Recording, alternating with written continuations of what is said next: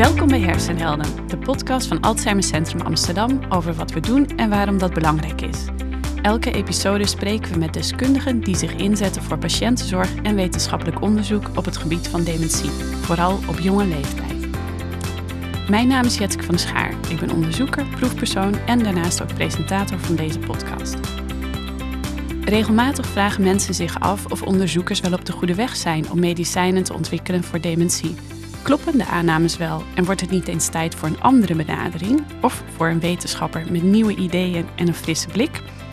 Zo iemand is Rick van der Kant. Hij promoveerde als celbioloog aan het Nederlands Kankerinstituut en maakte daarna een enorme overstap. Hij verhuisde naar de VS voor een baanbrekend onderzoek in een toonaangevend lab om zich toe te leggen op Alzheimer. Daar ontdekte hij niet alleen dat cholesterol een rol speelt bij het ontstaan van deze ziekte, maar ook dat een bestaand medicijn voor HIV-AIDS dit tegen kan gaan. Voor zijn innovatieve aanpak en indrukwekkende resultaten ontving hij verschillende prijzen en beurzen. En in 2017 kwam hij terug naar Amsterdam om zijn bevindingen te kunnen testen bij patiënten. En ondanks zijn drukke schema is hij vandaag te gast bij ons. Rick, welkom in de show. Hallo, uh, fijn dat ik hier kan zijn. Leuk. Rick, jij bent opgeleid tot celbioloog. Uh, wat drijft je om je juist hiermee bezig te houden en niet iets kleiners of iets groters? Wat is er zo interessant aan een cel? Um, nou, ik begon eigenlijk als, uh, als ecoloog. En wat ik daar zo interessant aan vond, is dat alles samenhangt in ecologie. Dus je hebt een ecosysteem waar de wolven belangrijk zijn voor het jagen van de herten. En als de herten er niet zijn, dan komen de bevers terug. Um, dus dat bestudeerde ik eerst. Um, en toen kwam ik erachter, eigenlijk, eigenlijk is het een beetje simpel, dat, dat ecosysteem. En die cellen zijn veel interessanter. Daar is het tien keer zo complex. Uh, maar daar heb je hetzelfde idee. Alles hangt samen en als er iets misgaat, dan gaat het ook verschrikkelijk mis. Krijg je een ziekte. Uh, en toen besloot ik, misschien is die ecologie ook minder leuk. Hè? Die konijnen vangen in Nederland, dat is toch minder leuk dan olifanten in, in Kenia. ik zit hier in Nederland, laat ik maar celbiologie gaan studeren. En dat heb ik vervolgens gedaan. Ja, een cel is ook het, de kleinste eenheid, het kleinste levende eenheid van een organisme. Hè? Ja, klopt. Ja. ja, en dus je kunt je voorstellen dat in zo'n cel heb je miljarden eiwitten die samenwerken met elkaar. En in ons lichaam heb je miljarden van die cellen. En samen vormt dat ons. Dus, dus alles wat wij doen, komt echt uit die, die kleine celbiologische processen naar voren. En, als, en, als, en dus als, als dat niet goed gaat, ja, dat heeft hele grote gevolgen voor ons als organisme. Ja, zou je dan eigenlijk kunnen zeggen dat het een ecologie is op een veel kleinere schaal? Ja, zeker weten. Ja. Ik, ik, had het met mijn vrouw erover en die, die uh, was ook celbioloog. En zij zei het is een soort van kosmos in de kleinste cel die je hebt. Dus we hebben miljarden kosmossen in ons lichaam die, uh, die samenwerken. Ja, oké. nou, als je het zo brengt, dan, uh, dan krijg je mij wel mee. Um, je hebt eigenlijk altijd al onderzoek naar Alzheimer willen doen. Jouw masterscriptie ging ook over dat onderwerp. Waarom ging je dan promoveren aan het Nederlands Kankerinstituut? Um, de belangrijkste reden daarvoor is dat ik vond dat het Alzheimerveld wat achterliep misschien op, op andere velden. Uh, wat mij echt heel interesseert is, is het begrijpen van mechanismen. Dus hoe werkt iets? En voor Alzheimer uh, was er wel heel veel aandacht natuurlijk al. Uh, en vooral dus over amyloïd, het giftige eiwit in het brein van, van mensen met Alzheimer. Wat er niet echt goed was, was een, manier om dat te studeren in een normale context. Dus heel veel van de, de, de studies die daar werden gedaan, werden gedaan in muismodellen. Muismodellen die een bepaalde mutatie tot overexpressie brachten. En dat vond ik niet zo heel interessant. Iedereen werkte daaraan hetzelfde. En wat ik dacht, ik kan me beter focussen op het bestuderen van die celbiologische processen die misschien een rol hebben bij Alzheimer. En later kan ik me dan misschien gaan inzetten voor Alzheimer. Ja, want, want onderzoek, en wat je in het voorgesprek ook tegen mij zei, uh, werd toen vooral gedaan ofwel bij die muismodellen ofwel postmortem, omdat je natuurlijk niet um, in het hoofd kan kijken en een biopt kan nemen om die cellen echt te onderzoeken. Ja, ja precies. Ja. En dus als je zo'n um, postmortem onderzoek doet, die processen die, die staan al misschien wel 20, 30 jaar aan voordat een persoon echt dementie krijgt. En dus het is onmogelijk om terug te vinden wat nou daar de oorzaak uh, van was.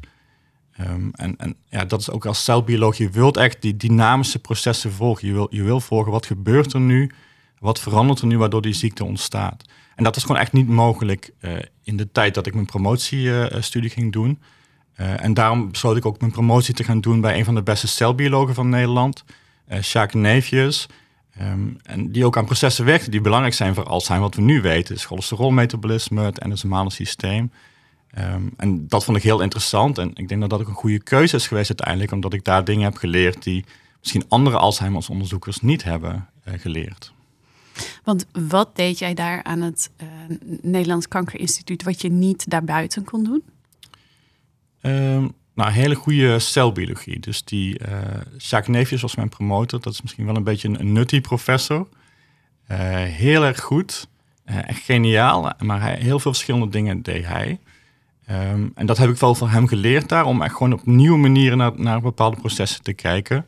En wat ik specifiek bij hem deed, is ik onderzocht hoe... Um, nou, het is eigenlijk niet eens interessant om te vertellen. Zo, zo specifiek is het. We zochten naar de rol van cholesterol in endosomaal transport. En cholesterol is dus een vetstof. En daarbij bekeken we hoe reguleert dat het transport door de cellen heen. En ik weet dat we een hele belangrijke ontdekking deden daarin. Um, en dat mensen het ook niet zo heel interessant uh, vonden eigenlijk. Dus wij vonden het super interessant. De wetenschap vond het heel interessant. Maar niemand had daar echt heel erg grote boodschap uh, aan. Maar, toch is het die kennis die uiteindelijk denk ik door, naar doorbraken toe gaat. En, en zeker ook voor Alzheimer. Ja, want na jouw promotie heb je wel de overstap gemaakt naar het Alzheimerveld, naar de VS en echt de celbiologie van, van Alzheimer. Wat was er toen veranderd dat je dat toen wel kon doen? Ja, dat, dat volgde een, een hele grote doorbraak, waar ook een Nobelprijs voor is gekomen, waarbij je opeens hersencellen in een lab kon bestuderen. Dus dat, dat kon eerst niet. Je kunt niet iemands hersenen openmaken en daar wat, wat weefsel uithalen om te bestuderen. Um, en wat bij andere cellen wel kan. Bij kanker kan het wel natuurlijk. Mensen hebben een tumor. Daar kun je biopsie van nemen. En die tumor kun je opgroeien in een lab. En daar kun je bestuderen wat is het mechanisme van die tumor. Uh, wat zijn de medicijnen die die, die tumorgroei kunnen, kunnen stoppen. Dat kon nooit voor Alzheimer. Tot er een nieuwe ontdekking kwam. En dat heet stamceltechnologie. En bij die stamceltechnologie kun je huidcellen van patiënten afnemen. Die kun je omvormen naar stamcellen, dus net zoals ze ons in een, embryo zitten. En vervolgens kunnen die stamcellen kunnen ieder type cel uit het lichaam worden, waaronder dus hersencellen. En dit was de eerste, de eerste keer dat het mogelijk was om Alzheimer-patiënten uh, te nemen, hun uh, huidcellen te nemen en daarvan functionele neuronen te maken. Dus functionele hersencellen die je kunt studeren en waar je ook medicijnen op kunt testen. Maar het, zijn dat dan ook cellen waar de ziekte al in zit, waar Alzheimer al uh, ja, zich manifesteert. Moet ik dat zo zien? Ja, zeker. Ja, dus de, um, de professor waar ik naartoe ging om mijn onderzoek te, te doen, uh, die was als eerste met dit onderzoek. En, en zijn eerste artikel, een, een Nature-artikel, heel, heel belangrijk artikel in het veld, liet dus zien dat die, die hersencellen die je maakt van die huidcellen ook de kenmerken van Alzheimer hebben. En natuurlijk hebben ze geen dementie, dat kun je niet meten in die cellen. Maar wat je wel kunt zien is dat ze opstapeling hebben van amyloid beta, dus een overproductie ervan. En ook dat het touweiwit zich misdraagt in die, die hersencellen van die uh, patiënten. Dus de, de moleculaire kenmerken van Alzheimer kun je in die hersencellen al terugvinden. Ja. En uh, als ik het goed heb, was dat lab waar jij naartoe ging in de VS, in, in San Diego, het eerste uh, lab ter wereld wat daarmee aan de slag ging. Klopt dat? Ja, zeker. Ja. Een van de eerste. Er waren wat meerdere labs bezig, maar zij waren de eerste die dat uh, gepubliceerd kregen. En dus ja, het voornaamste lab op dat moment. Ja. En je ging daar niet alleen met die nieuwe techniek aan de slag, um, maar je deed dat ook op een hele vernieuwende manier. Hè? want wat heb jij gedaan met die, ja, eigenlijk Alzheimer in de dish wordt het ook wel genoemd, hè? Ja. Dat je echt ja. Alzheimer in een petrischaaltje is dat, denk ik. Hè? Ja, ja, ja. Het Alzheimer in een petrischaaltje. En het is heel mooi om te zien. Je ziet daar ook echt die hersencellen uh, door de microscoop. Je kunt zien dat ze met elkaar connectie maken. En dat ze, ja, ze zien er echt uit als, als hersencellen in iemands brein. En wat wij besloten te doen daar is om alle medicijnen die nu al bestaan, dus dat zijn ongeveer 1600 voor allerlei verschillende ziektes, om die te testen op die hersencellen uh, om te testen of we een, bestaand medicijn kunnen vinden wat dat touweiwit naar beneden brengt. Dus een van die twee uh, typische kenmerken van Alzheimer is touw en dat wilden we naar beneden toe brengen. Ja. Uh, even een zijpaadje. Je hebt het over uh, amyloïd-eiwitten, touweiwitten. Uh, dat is ook deels onderdeel van de amyloïd-cascade-hypothese. kun je uitleggen wat dat inhoudt? Wat, wat is de hypothese in het veld en wat houdt het in? Ja, dus de amyloïd-cascade-hypothese is heel belangrijk voor het Alzheimerveld. Um, en die komt voort uit het idee dat uh, amyloïd als eerste ophoopt in het brein van mensen met Alzheimer. Dat dat een cascade inzet, wat vervolgens leidt tot bijvoorbeeld opstapeling van touw. En dat touw dat leidt tot het, tot het afsterven van de, de hersencellen. En dat is een, een, belangrijke hypothese, omdat we ook weten mensen met mutaties uh, in het gen uh, voor dat amyloïd-eiwit krijgen ook heel op jonge leeftijd Alzheimer. Um, dus dat is heel lang leidend geweest in het, in het veld, die, die hypothese. Um, wij vonden toen wij startten met dat onderzoek, vonden dat er wel genoeg aan gewerkt wordt. Er was echt 99% van de mensen werkte al aan dat amyloïd. Dus wij dachten, nou laten wij ons focussen op dat touw-eiwit in plaats van dat amyloïd. Ja, dus niet wat men denkt dat de eerste stap is, maar het volgende domino-steentje wat omvalt. Kan ik het zo zeggen? Ja, klopt. Ja. ja. En hoe kwam jij op het idee om dan alle bestaande medicijnen die er waren op jouw Alzheimer in de dicht los te laten? Nou, laat ik er eerlijk in zijn, dat was niet mijn idee. Dat was het idee van mijn uh, professor die ik daar uh, kwam.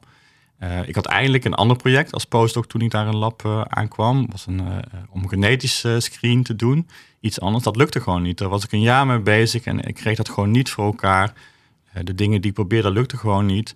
En toen had ik heel veel geluk dat een andere persoon in de lab die, die drugscreen had gedaan. En samen hebben we gezegd, nou laten we samen naar die resultaten kijken en laten we vervolgens kijken wat we daaruit kunnen, kunnen halen om, om ons onderzoek verder te zetten. Ah, oké. En toen, wat vond je? Ja, en toen, uh, toen kwam cholesterol weer naar voren. Dus dat, dat lipide wat ik al bestudeerde tijdens mijn uh, promotieonderzoek. En daarin zagen we dat in die screen alle medicijnen die cholesterol verlagen, bijvoorbeeld statines, dat zijn, mensen, dat zijn medicijnen die mensen nemen die hoog cholesterol hebben. Als we die statines toevoegden aan die hersencellen met Alzheimer, zagen we zowel het amyloïd als het touweiwit naar beneden toe gaan. En wat dus betekent dat het verlagen van cholesterol in het brein een mogelijk een nieuwe therapie is voor Alzheimer. Ja, dus daarmee had je eigenlijk in één klap zowel een mogelijke oorzaak als een mogelijke behandeling gevonden. Ja, precies. Ja, ja wauw. En um, je zei het al even, hè, um, mensen die een verhoogd cholesterol hebben, uh, betekent dat dat als je dan cholesterolrijk eten uh, tot je neemt, dus met veel verzadigde vetten, dat je daarmee ook een hogere kans hebt om Alzheimer te ontwikkelen? Als in, is dat hetzelfde cholesterol wat dan in je brein terechtkomt en um, in de weg zit daar? Ja, dat is een hele goede vraag. Um, en we denken dat het niet zo is. Dus het, het, brein is vrij afgezonderd van de rest van het lichaam uh, voor heel veel dingen. Je hebt een een barrière tussen de brein en je rest van het lichaam. En cholesterol gaat er niet overheen. Dus het is niet zo dat je een Big Mac eet, dat de hoeveelheid cholesterol in je brein ook omhoog gaat. Ja, ja. Dat is echt gescheiden van elkaar. Ja, maar is het wel hetzelfde cholesterol waar we het dan over hebben? Ja, zeker. hetzelfde molecuul, dat wel. Ja. Ja. Um, ja, en toen had je natuurlijk die enorme doorbraak. Uh, veel aandacht voor geweest, ook in het nieuws. Dit was wel iets wat uh, veel werd opgepikt, opgepikt, ook door de media. Uh, hoe komt dat, denk je, dat dit wel ja, resoneerde en jouw eerdere ontdekkingen op het gebied van cholesterol niet, minder? Nou, hier zit ook meteen een ziekterelevantie aan natuurlijk. Dus wat we voorheen ontdekt hebben was ook heel belangrijk, maar dat stond gewoon een paar stappen weg van, uh, van een ziekte. En dat had je hier wel heel duidelijk. We hebben cholesterol is betrokken bij Alzheimer. Nou, dat is natuurlijk voor heel veel mensen direct relevant. En tegelijkertijd hadden we ook een medicijn gevonden wat dat cholesterol kon verlagen. Dus ik denk die combinatie dat dat heel, heel aansprekend was voor uh, ook de media in dit geval, om het verhaal verder op te pikken. Ja, uh, toen had je die informatie, uh, wat iedereen dan natuurlijk zich afvraagt. En werkt dit ook daadwerkelijk bij patiënten? Um, vaak merk je dat bij medicijnontwikkeling duurt het een hele poos van een eerste idee tot iets wat je ook daadwerkelijk bij mensen kunt uitproberen. Uh, jij kon die stap sneller maken, denk ik, hè?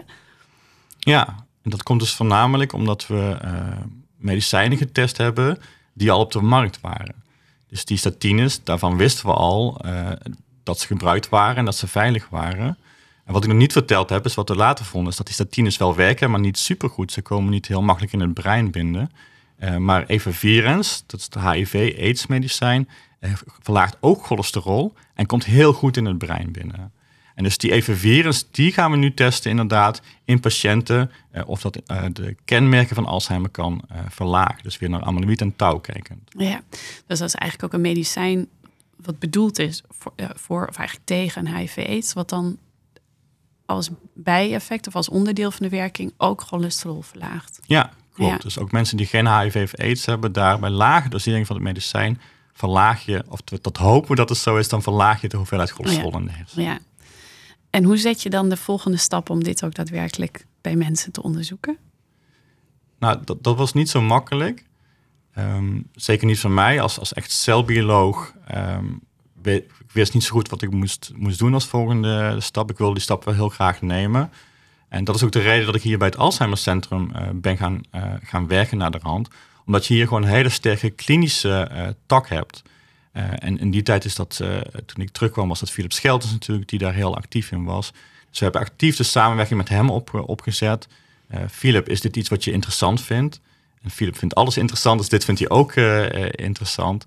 En vervolgens zijn we samen op zoek gegaan naar uh, financierders die hier ook iets in zagen en die dit project uh, met ons wilden gaan doen. Ja, lukte dat? Ja, dat lukte uiteindelijk. Uh, maar dat was ook weer een proces van, van twee, drie jaar. Um, dat is moeilijk als je iets, iets anders doet, wat, wat niet zomaar de mainstream gedachte is. Dus iedereen zit nog steeds in dat amyloïd. En dat gaat goed. Hè. We hebben klinische trials die, die lopen. Die gaan niet allemaal even goed, maar soms zitten daar successen tussen. En mensen willen zich daarop blijven richten. Dus die, die alternatieve ideeën, ja, daar moet je wel voor, voor vechten om, dat, uh, uh, om daar aandacht uh, voor te krijgen. En uiteindelijk hadden wij heel veel geluk. We hadden een grote Amerikaanse funder, dus een, um, een instantie die, die grants uitgeeft aan mensen, beurzen. Die waren geïnteresseerd in ons onderzoek. Maar die zeiden, ja, het is, we kunnen tot zoveel kunnen we aan jullie geven, maar niet alles. En jullie moeten zelf wat, wat bijdragen ook. Nou, dat, dat konden we natuurlijk niet, dat was, dat was veel geld. En toen hadden wij hier in Amsterdam heel veel geluk dat er een, een anonieme donor kwam die ons ook wat geld wilde geven. En, en daarmee konden we terug naar, naar die Amerikanen en zeggen, nou we hebben hier iemand die investeert, jullie investeren en samen kunnen we dit, dit gaan doen. Ja, en die producent van Eva Virens, dat mhm. HIV-medicijn, had die geen interesse om dit onderzoek te steunen? Ja, dat hebben we ook nog geprobeerd om dat via hun te doen. Um, het moeilijke eraan is dat evenvirens, daar zit geen patent meer op. Dat, dat medicijn is al heel oud. Um, en dus ook al wordt het ontwikkeld voor de ziekte van Alzheimer, de producent van het medicijn ontwikkelt daar, die krijgt daar geen geld meer voor om dat te ontwikkelen. En dat houdt ze natuurlijk tegen, want als je, kijk, we gaan nu de eerste test doen, dat kost ongeveer een miljoen euro. Uh, de volgende stap, fase 2 studie, is, is misschien 10 miljoen. En de, de, de, laatste stap die je moet doen is misschien wel 100 miljoen euro aan investering. En als ze dat niet gaan terugverdienen, ja, dan gaan ze natuurlijk niet investeren daarin ook niet. Ja, dus je bent nu bij de eerste stap. Wat is de status uh, van dit onderzoek? Um, voor die eerste stap uh, moeten een aantal dingen gebeuren natuurlijk. Uh, dus de medicatie voor HIV wordt bij een hele hoge dosering gegeven, 600 milligram. Um, en wat wij eigenlijk vonden, is dat je veel lagere doseringen nodig hebt voor de ziekte van Alzheimer. En dus die, die, die tabletten moeten we nu zelf gaan maken. En dat is, dat is een grote stap die we nu eindelijk gemaakt uh, hebben. We hebben een bedrijf in, in, Zeeland wat voor ons die tabletten gaat produceren bij lage doseringen. Um, dat is bijna klaar. En, en we hopen dus ook in januari dat we kunnen, kunnen beginnen met het testen van die medicijnen in klinische trials. Ja, en wat, wat houdt dat onderzoek in? Wat zou deelname aan zo'n onderzoek inhouden? Um, nou, mensen die deelnemen aan dit onderzoek zijn uh, patiënten met, met vroege stadia van, van Alzheimer. Uh, en zij krijgen vier weken lang, krijgen zij uh, iedere dag een tabletje van dat evenvirens. En vervolgens gaan we kijken in, die, in het bloed van mensen. Doet dit inderdaad wat we, we hopen dat het doet? En wat we hopen dat het doet, is dat het cholesterol uit het brein naar het bloed brengt en zo cholesterol in het brein verlaagt. En dus dat gaan we vier weken lang volgen in die mensen. Uh, we gaan bloed afnemen. We gaan ook CSF afnemen, dus hersenvocht afnemen. Om te kijken, doet dit medicijn inderdaad wat we willen dat het doet? En daarnaast gaan we ook testen of Alzheimer-eiwitten zoals amyloïd en tau ook veranderen in die mensen. Ja, maar dat zou je dus al in een periode van vier weken dat effect kunnen meten, verwacht jij, hoop jij? daar hopen we op. Maar de echte belangrijkste test hier is die verandering cholesterol. Dat weten we, dat, dat zouden we moeten kunnen uh, meten in die, in die vier weken. En dat is ook de belangrijkste uitkomst hiervan. Dus als we dat kunnen zien, we hebben vier verschillende doseringen. Uh, kunnen we een dosering vinden waarbij dat werkt? En als we die dosering hebben, dat hopen we snel te doen, dus daarom is het een korte trial, hopen we snel te doen. En met die dosering gaan we, gaan we verder en daar gaan we kijken, nou, verbetert dit het geheugen van mensen inderdaad ook? Ja, maar dat zou je dus pas in die volgende stappen kunnen doen. Ja. ja. Als mensen nu luisteren en denken, uh, dat klinkt interessant wat die Rick aan het doen is, ik wil wel meedoen, kan dat? Ja, dat kan zeker. Um, we hebben criteria daarvoor natuurlijk. Dus, uh, en ik denk wat het makkelijkste is voor mensen die mee willen doen, heel graag. We hebben mensen nodig die mee willen doen natuurlijk hieraan. Is om contact met mij op te nemen direct. En dan kan ik zo doorverwijzen aan de juiste personen die betrokken zijn bij het opzetten van deze trial. En hoe kunnen ze contact opnemen met jou? ze kunnen me e-mailen r.h.n.vanderkant.amsterdamumc.nl uh, misschien kun je dat bij de podcast uh, publiceren ook nog. Uh, ja, goeie. Nemen we mee in de show notes inderdaad. Ja. en als je dat, hè, stel je hebt deze eerste fase dus gedaan, dan moet je dus weer op zoek, maar deze keer naar 5 miljoen om een volgende stap te zetten. Ja, klopt. Maar we hebben nu wel de aandacht van, van mensen te pakken. Dus die, die eerste stap, als, kijk, als dit ons lukt, hier kijken heel veel mensen nu naar als dit ons lukt, ik denk dat we dan echt een, een, door een belangrijke stap zijn gegaan, waar mensen meer vertrouwen hebben dat dit kan werken. En dat we dan ook makkelijker geld kunnen ophalen voor dit onderzoek. Omdat je eigenlijk al dan bewezen zou hebben dat dit echt zou kunnen ja, werken. En voor de eerste keer in de hele wereld hebben we dat dan bewezen. Ja, wat zou een primeur zijn? Ja. Ja. Wanneer verwacht je dat, uh, dat je dat weet, dat je het kan publiceren? Um, nou, als we beginnen in januari, uh, we gaan 40 patiënten includeren in deze studie, dus dat duurt wel een tijdje. We verwachten ongeveer uh, anderhalf jaar voordat we die studie kunnen afronden. En hoe meer mensen zich opgeven, hoe sneller dat gaat uh, natuurlijk. Um, maar laten we realistisch zijn, over twee jaar denk ik dat we een goed beeld hebben, werkt dit wel of werkt dit niet? En dan kunnen we de volgende stap nemen. Ja, Jou, uh, jij hebt een, hele nieuwe, of in ieder geval andere aanpak dan veel andere wetenschappers, die, die toch ja, eerst beginnen met kijken, nou, wat is het mechanisme, hoe kunnen we dat beïnvloeden, en dan de klassieke route volgen. Jij doet het anders in een andere volgorde met andere stappen. Um, heeft jouw benadering behalve voordelen ook nadelen? Nou, nou, nadeel wat, wat we net misschien al over gehad hebben. Dus we, uh, voor deze keer hebben we medicijnen genomen die al, al goed gekeurd zijn. Um, daardoor kunnen dingen sneller lopen. Je kunt sneller naar de kliniek toe. Maar het, nadeel is, is dat je niet patentbeschermd bent. Dus het is wel moeilijker inderdaad om geld op te halen voor, uh, voor het uitvoeren van, uh, van deze studies. Ja, ja, dus het is enerzijds uh, dat patent is een barrière voor de farmaceut om, om in te stappen. Uh, maar ook inderdaad, als je nu straks wat vindt, zit dat patent nog steeds in de weg om er aan te verdienen, als ik jou goed begrijp. Ja, klopt inderdaad. Ja. En jij uh, had bij het, het, Nederlands Kankerinstituut al iets met cholesterol gedaan. Je komt nu weer op cholesterol uit. Was dat een, een voorzienende blik of louter toeval? Mm, ik denk toeval voornamelijk, ja. Ik wilde heel, nou, ik weet ook dat ik mijn postdoc uh, begon, dus mijn vervolgonderzoek in, uh, in, Amerika. En ik zei tegen de professor, nou, ik wil heel graag werken aan, uh, aan cholesterol. En hij was ook niet overtuigd daarvan. Hij zei, ja, dat is een goed idee, maar we hebben dit nog. Laten we hiermee beginnen eerst. En dus vervolgens testen we al die medicijnen. Dat was, we hadden daar geen hypothese in. We wilden daar niet naar cholesterol toe. En, en plots vielen daar weer al die cholesterolremmers uit. Ja, en toen zei ja, dit kan geen toeval zijn, laten we daarop, uh, laten we daarop doorgaan. Ja, mooi. Um, jij, jij, bent een voorstander voor uh, innovatie in het veld, hè? Om, om breder te kijken. Um, wat, wat is het geheim van innovatie? Hoe kom je tot dit soort vernieuwende ideeën, dit soort uh, vooruitgang die je op de klassieke manier wat minder snel bereikt? Ja, ik, ik denk dat die vooruitgang vooral zit in het idee dat je uh, diversiteit moet hebben.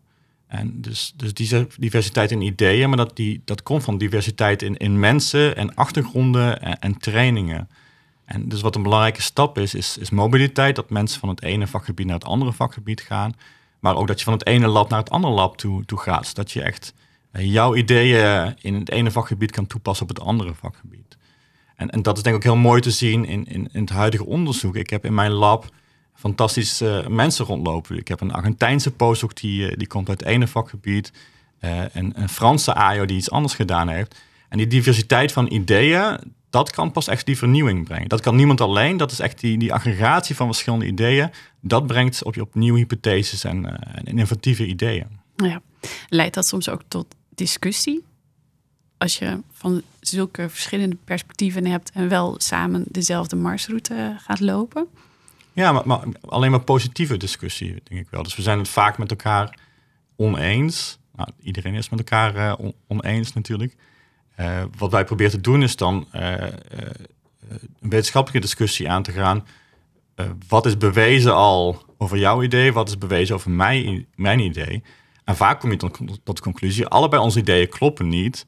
Maar we moeten samen een nieuwe richting op gaan. En dat is die innovatie die je dan opeens doet. Dat je dan een andere stap doet die alleen niet had kunnen bedenken misschien. Ja, dus eigenlijk ook uh, meer in het veld samenwerken. Ja. Ja. Ja. ja. Dat is belangrijk. Ja. Zou dat ook je advies zijn aan jonge onderzoekers om als je in het Alzheimer of het dementieveld aan de slag wil, om ook een zijstapje te maken naar andere aandoeningen? Um, nou, mijn advies zou misschien eerst zijn: wil je uh, je inzetten voor Alzheimer-onderzoek? Um, eh, leer dan iets over processen die daarvoor belangrijk uh, zijn. Dus, dus ik vind het heel belangrijk dat mensen een goede een moleculaire begrip hebben uh, van processen die de ziekte veroorzaken. En wat ik heel veel zie is dat, dat, dat heel veel mensen willen aan de ziekte van Alzheimer werken natuurlijk. Dat, dat is fantastisch dat mensen dat, dat willen doen. maar we gaan niet te snel naar die ziekte toe, want daar zit een heel erg sterk dogma op. We hebben daar hele sterke ideeën over. En als je daar binnenkomt, is het heel moeilijk om nog buiten die dogma uh, terecht te komen. Dus ik zou echt mensen aanraden, uh, diver, dat is geen goed woord, diversiteit in je gedachten. Dus, dus train ergens wat wel gerelateerd is aan de ziekte, maar niet misschien zelf de, ziekte zelf nog niet. Ja, dus dat je niet meteen de, de dogma's die er al zijn uh, aanhangt, maar met een open blik je eigen ideeën vormt. En, of, of, of geïnspireerd door ideeën van mensen in een ander veld. En dan aan de slag gaat. Ja, denk ik wel. Ja. Dat lijkt me een mooie benadering die ook uh, buiten het Alzheimer-onderzoek uh, erg waardevol is. Um, Rick, in deze podcast um, stellen we ook altijd uh, twee vaste vragen. En aan jou is de eerste vraag wat de meest waardevolle les is die je in je werk hebt geleerd. Ja, daar, daar kwamen we wel een beetje op, op uit. diversiteit is echt heel erg belangrijk. En ik denk dat het voor alles geldt. Deze week komen de Nobelprijzen komen er weer, uh, weer aan. Uh, er is één dame die, uh, die daar bij iedereen heel erg hoog bovenaan staat. Dat is een, dame die uit Hongarije komt, uit een heel arm ge gezin komt, naar Amerika verhuisd is om haar onderzoek naar mRNA te doen. Niemand was daar geïnteresseerd in. En misschien krijgt ze dit jaar de Nobelprijs voor de ontdekking van het mRNA-vaccin wat tegen corona werkt. En ik denk dat dat heel belangrijk is, niet alleen in de wetenschap, maar ook in onze maatschappij. Uh, geeft de ruimte voor, voor, voor nieuwe mensen en, en, nieuwe ideeën ook. Ja, hoe heet zij ook weer? Uh, Carico heet ah, ja, dat was het. Ja. ja, kon ik opkomen. Maar de rest Carico. Nou, die naam gaan we in de gaten houden. Um, en uh, ja, dat is natuurlijk ook een beetje in het verlengde daarvan. Wat is het belangrijkste punt dat je mee wilt geven aan onze luisteraars? wat ik zelf ervaren heb, en dat is opnieuw een, een verlengde hiervan, volg je ideeën na, dus voor, voor jonge mensen. Uh, volg je ideeën. Uh, er gaan momenten komen waar, waar dingen niet gaan lukken. laat je daar niet ontmoedigen. Blijf, blijf doorzetten. En misschien wat voor de meer gevestigde orde, of misschien de ouderen, daar hoor ik zelf ook al bijna bij weer. Um, geef ruimte aan nieuwe mensen en, en, nieuwe ideeën. En ik denk echt de, de volgende generatie, dat zijn echt wereldverbeteraars. Zij, zijn echt, zij hebben een missie. En uh, geef ze die ruimte om dat te kunnen doen en, en geef ze ook de middelen om dat te kunnen doen. Maar hoe weet je dan als jonge onderzoeker of als je al, al uh, wat meer uh, verder bent, dat je een idee hebt waar je door moet zetten? En hoe, maar het kan natuurlijk ook zijn dat je aan een dood paard trekt. Hoe, we, hoe weet je wanneer je iets hebt wat de moeite waard is om voor door te zetten tegen de stroom in? Ja, dat weet je niet. Dat is het moeilijke eraan je weet het, je weet het niet tot het, tot het punt komt dat het wel zo is. Maar kijk, als je, als je echt, dat komt misschien weer een beetje in mijn hart als celbioloog, als je echt onderzoek doet naar de fundamentele processen in een cel en hoe dat werkt, trek je nooit aan een dood paard. Daar, daar worden nieuwe ontdekkingen gedaan. En op den duur, dat kan binnen vijf jaar zijn, dat kan binnen tien jaar zijn of binnen twintig jaar, leidt dat tot nieuwe therapieën en tot nieuwe behandelingen. En, en doe dat, dus doe dat, dat moleculaire onderzoek uh, en, en, probeer daar een lol te hebben. En, en, en je gaat gewoon nieuwe dingen ontdekken die belangrijk gaan zijn in de toekomst. Ja, en dat vroeg me af. Jij zet natuurlijk hier heel sterk op in. Stel nou dat, er, dat jij straks die eerste fase van je onderzoek doet, die vier weken. En er komt helemaal niet uit wat je had gedacht. Het lukt niet, dat cholesterol uh, verlaagt niet. Um, denk, heb je dan het gevoel dat alles voor niets is geweest? Mm, nee, ik denk wat ik, die, die, de, de route die je daar hebt genomen, die is ook heel waardevol. Dus het feit dat ik, uh, dat wij, dat, er is een heel team van mensen bij betrokken, dat wij nu die ervaring hebben dat we die uh, echt mechanistische proeven gedaan hebben in, in een lab setting. En dat we het helemaal naar een klinische trial kunnen hebben brengen. Dat is enorm waardevol. En zelfs als dit helemaal zou mislukken, en die kans is groot, hè, dat, dit is gewoon een nieuwe idee, een hypothese, die kans is gewoon groot dat het niet gaat lukken zoals we willen. Wat we wel geleerd is, hoe kunnen we dat nu doen?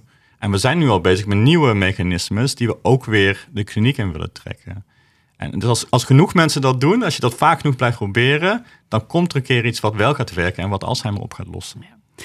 Je zei net ook nog uh, tussendoor iets van dat je ook plezier moet hebben in de weg naar het doel en niet alleen maar met het doel bezig moet zijn. Hè? Ja, ja, dat is heel belangrijk. Het kan natuurlijk altijd misgaan als je dan als het misgaat en je hebt geen plezier gehad, en dan, heb je, dan heb je pas echt je tijd uh, ja, verspeeld. Ja. ja. Um, in deze podcast houden we ook uh, altijd een alternatieve theorie of aanpak of behandeling tegen het licht. En voor jou heb ik de stelling: Viagra verkleint het risico op Alzheimer. Waar of niet waar?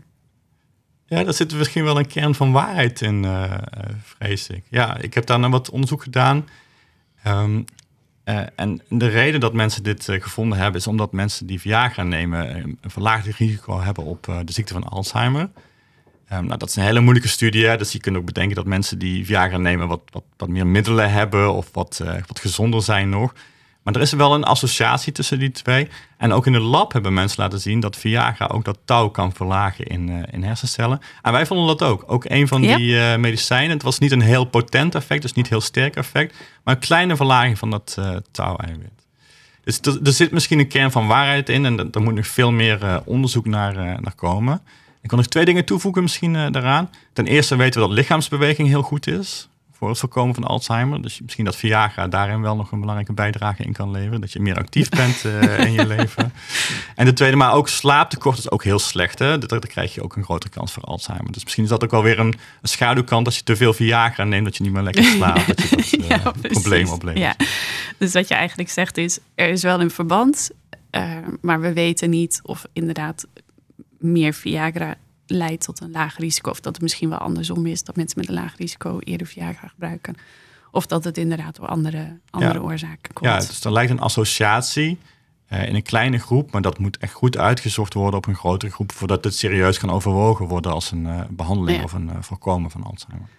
Wat ik zelf nog wel aardig vond, is dat um, Viagra oorspronkelijk als middel werd ingezet voor hart- en vaatziekten. Hè? En dat, dat dat eigenlijk toevallig ook um, deze werking bleek te hebben.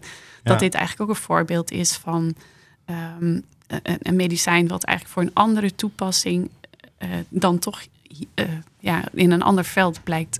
Nou, ik kom een beetje moeilijk uit. Ja. Dus volgens mij is mijn punt al duidelijk. Nee, ja, dat is, ik denk dat dat, dat dat een heel goed voorbeeld is van iets wat in het ene veld werkt uh, en vervolgens ergens anders toegepast wordt. En dus ook waarom het belangrijk is dat je je niet alleen focust op de ziekte van Alzheimer, maar dat je een breed blik houdt, zodat je die dingen ook kunt toepassen in dit, uh, dit veld. Ja, dat is heel belangrijk. Nou, super mooi, Rick. Je hebt, um, uh, denk ik, een hoop uh, stof tot nadenken meegegeven en handvatten om zelf ook wat ja, bredere blik te houden en wat nieuwe manieren naar ons eigen werk te kijken. Dus, Dank je wel daarvoor. Nou, Jij bedankt, jullie bedankt. En uh, nogmaals, als mensen dus mee willen doen aan jou, jouw trial, uh, kunnen ze mailen naar r.h.n.vanderkant.amsterdamumc.nl We hebben deze episode opgenomen op 3 oktober 2022 in Alzheimer Centrum Amsterdam. Met dank aan Mark Brouwer die achter de knoppen zit. In de show notes van deze aflevering vind je meer informatie over de onderwerpen waar we over spraken en ook het mailadres van Rick. Wil je meer weten over Alzheimer Centrum Amsterdam? Dan vind je ons op Twitter, Facebook, Instagram en LinkedIn als je zoekt op Alzheimer Centrum Amsterdam. Heb je een vraag of opmerking over deze podcast? Stuur dan een mail naar hersenhelden.amsterdamumc.nl. Tot de volgende keer.